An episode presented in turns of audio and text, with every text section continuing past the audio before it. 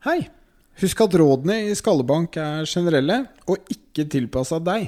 Hvert tilfelle er unikt. Derfor anbefaler vi at alle med hjernerystelse eller mistanke om det oppsøker kompetent helsepersonell for en individuell vurdering. Her kommer episoden.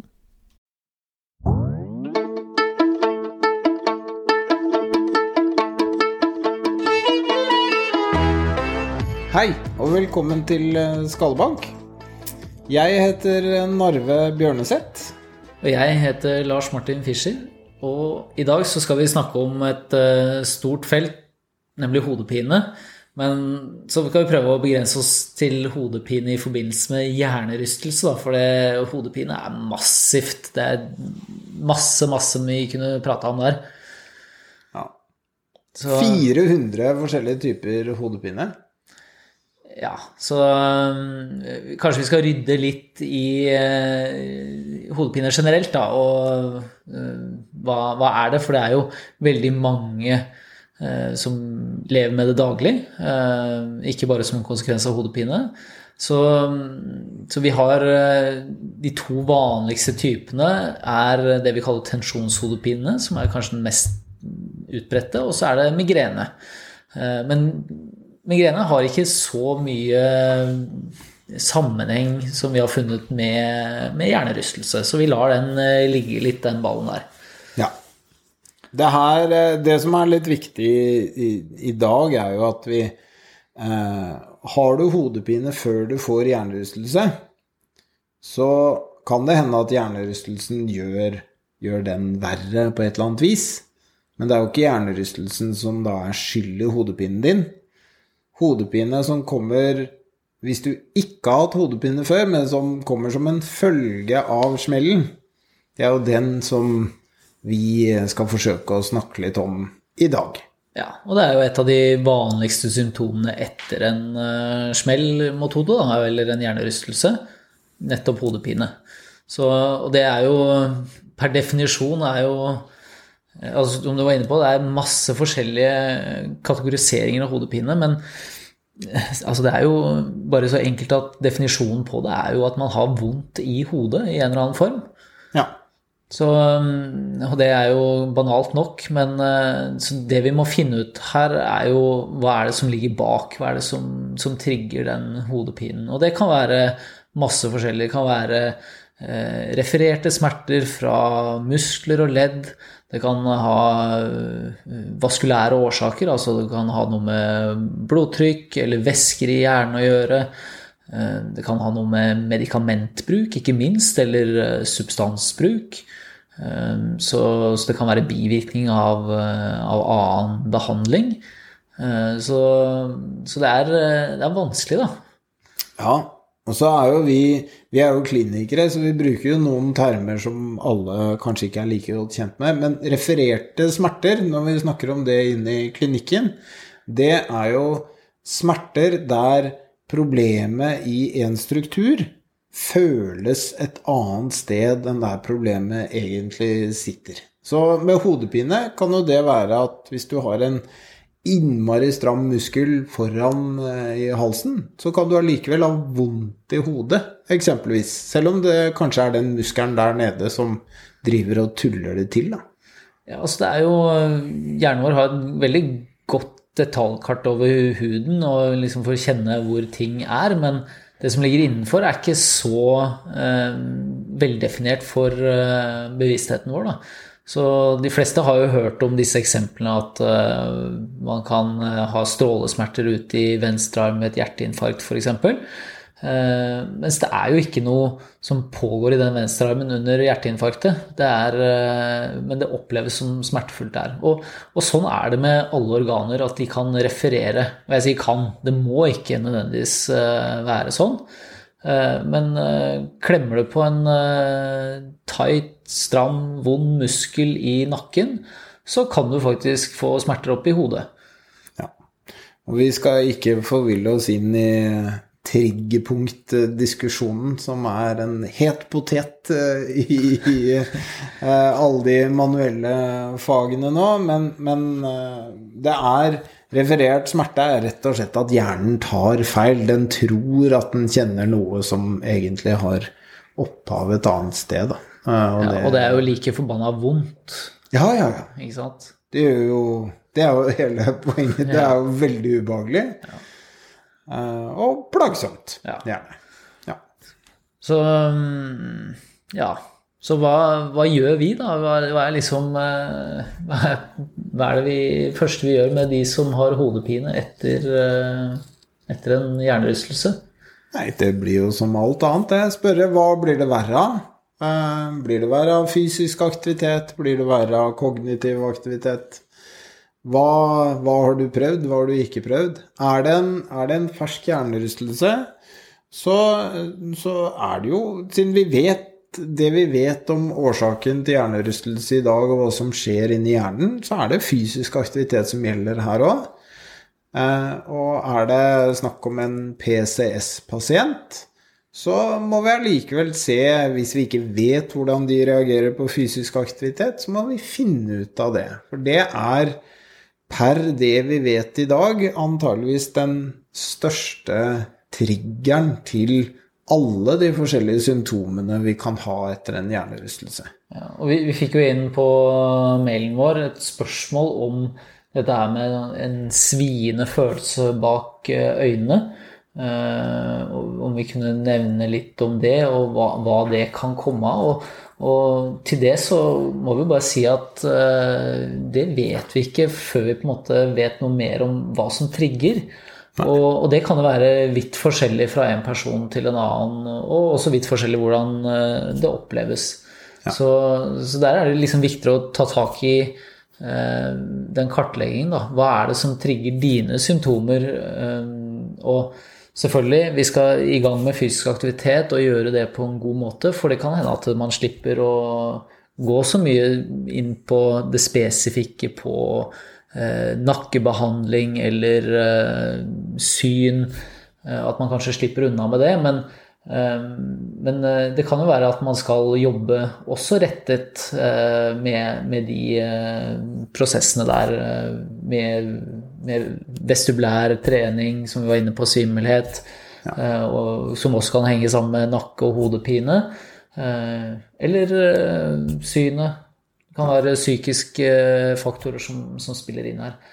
De sier jo at måten hjernen opererer på er jo ekstremt tett oppi komplett kaos. Sånn at der, der, du har en perfekt fyring av hjernen, og der hvor det er patologi eller sykdom, de er veldig nære hverandre. Så ved å få en hjernerystelse, så, så har gamle feil en tendens til å dukke opp. Vi mennesker er jo ikke skrudd sammen 100% perfekt, noen av oss. Jeg for min egen del, jeg har skjult skjelling. Det er veldig vanlig. Men det dukker bare opp hvis jeg blir veldig, veldig sliten, eller uh, hvis jeg ja, Nå skal vi ikke nevne altfor mye greier her, men hvis jeg er på en fest, så hender det at jeg skjeler litt.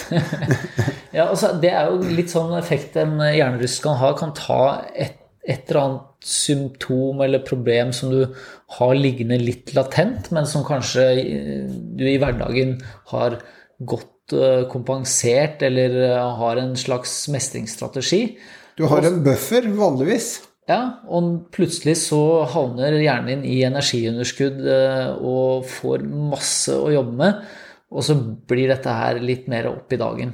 Ja. Så det er jo også viktig å liksom kartlegge er det tidligere en historie her med, med hodepine. Ja. Men tilbake til den da behandlinga av, av, hodepine, da. Altså, hva, hva, vet vi om manuell behandling av hodepine? Og hva Altså manuell behandling, igjen for å forklare en klinisk term. Manuell behandling betyr jo å bruke henda på kroppen i en eller annen terapeutisk form. Ja, altså kan gå inn på det, men også nevne det at de, de kreftene sant, som skal til for å gi oss en hjernerystelse, de er mange ganger høyere enn de som potensielt kan gi deg et nakkeproblem. Uh, ikke nødvendigvis en nakkeskade, men det kan være som vi før kalte en whiplash uh, eller noe sånt noe, som ikke nødvendigvis syns på et bilde, det heller. Men uh, det skal mye mindre til å, å gi gi nakkeplager. Og, og, nakke og hode, det kan ofte henge sammen. Det må ikke gjøre det, men Og da er det mange som ender opp til en, en behandler som jobber manuelt, da. Og det er typisk grupper som, som oss, fysioterapeuter og osteopater, og naprapater, manuellterapeuter, kiropraktorer, som bruker hendene for å undersøke og behandle. Og, og før så var, var, disse profesjonene veldig sånn uh, rettet etter en tankegang at man måtte jobbe spesifikt inn mot ledd og muskler for å oppnå visse effekter. Og, og det er veldig vanskelig å, å bevise. Uh, så uh, ja, spesifisiteten tenker du på? Det å trykke nøyaktig inn fra høyre eller inn fra venstre eller bak eller fram? Ja, og, mm. så, så der, der, kan vi jo ikke helt si hvordan det fungerer eller ikke fungerer.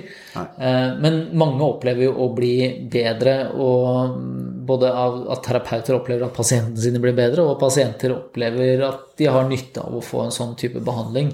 Mm. Så, men det vi i hvert fall kan, kan si, det er at hvis eh, symptomene dine lar seg endre eh, og bli bedre av manuell behandling, så er det en, eh, en positiv prognostisk faktor. Det er et godt tegn at uh, symptomene lar seg modifisere.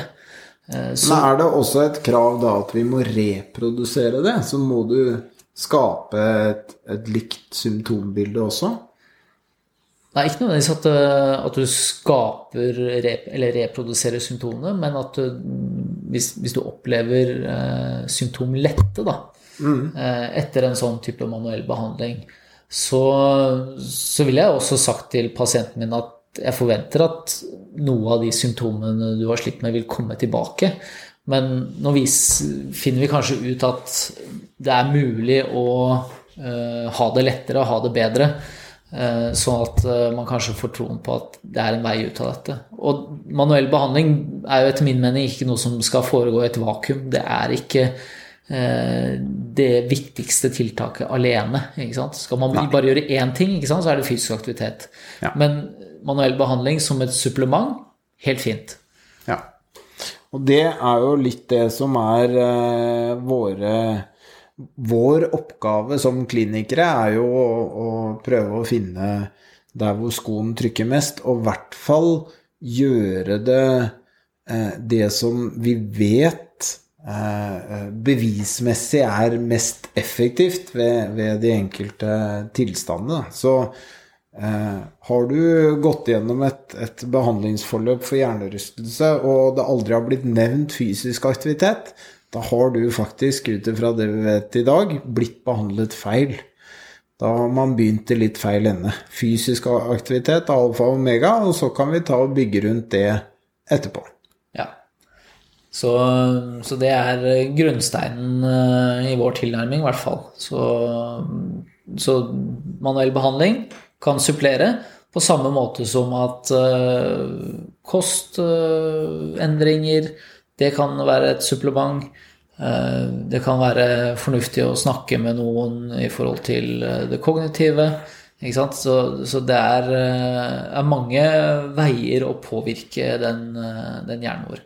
Ja, apropos smerte. Det har jo vist seg at etter at man begynte å snakke med pasienter på disse respektive smertesentrene vi har rundt omkring, så har jo medikamentbruken gått ned.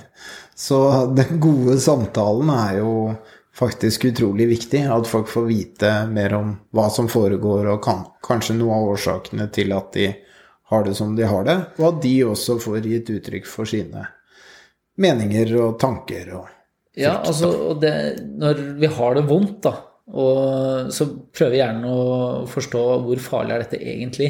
Ja. Så, så, kunnskap om hva som foregår og hvorfor jeg har det sånn, er aldri negativt. Nei. Så det var eh, kort om eh, hodepine og mye om eh, behandlingen av det. Men vi setter veldig pris på at dere lytter til oss. vi har litt lyst til å snakke mer om hodepine senere. Og vi jobber for å få med oss litt eh, interessante gjester om eh, de temaene vi har lyst til å dypdykke i. Så takk for at dere hører på. Ja, og vi håper at dere finner oss igjen ved en senere anledning. Takk for nå. Ha det bra.